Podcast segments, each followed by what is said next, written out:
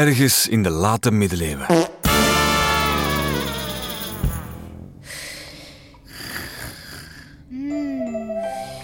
Ja, honger. Oh, nee, nee, nee. Hè? Draak! Muis, wat is er? Ik had een verschrikkelijke droom. Rustig, rustig.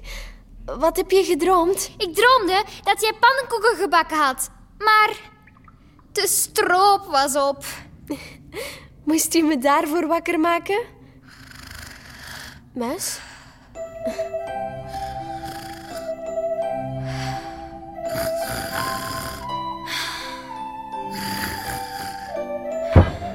Muis?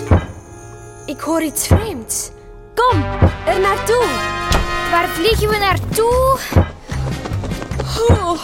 Ik hoor helemaal niks. Het is nacht.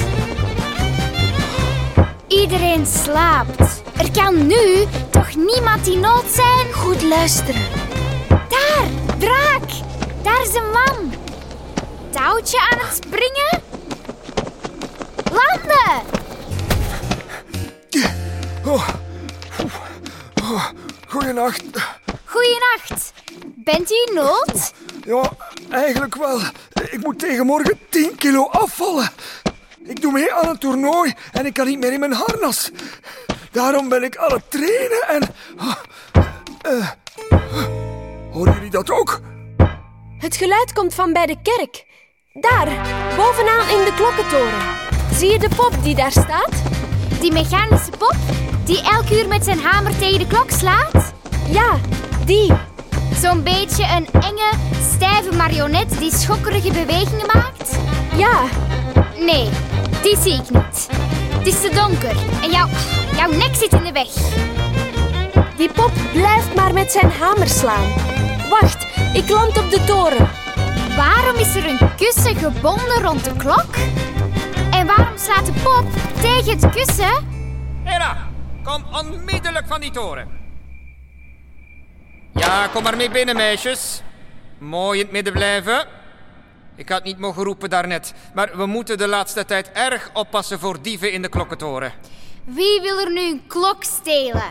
Of die enge pop? Ho, ho, ho, enge pop, enge pop. De kunstig gemaakte houten of metalen marionet die het uur slaat, beste kinderen, die noemen we een... Hm? Een jacquemart.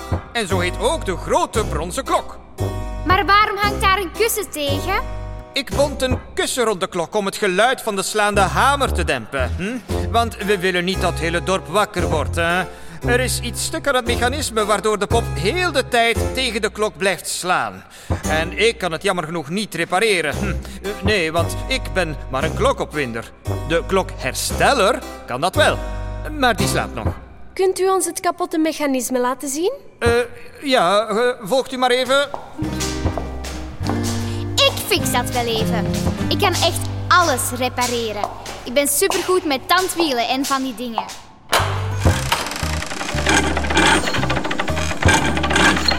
Maar, ehm, um, draak, jij mag. Ik zal het eens bekijken. Deze klok opwinden is mijn bijbaantje. Eigenlijk ben ik een onderwijzer, ziet u. Maar ik vind klokken heel interessant. Wist je bijvoorbeeld dat een torenklok vroeger geen wijzerplaat en wijzers had? Hm? Er was alleen maar een Jacquemart-pop die het uur sloeg.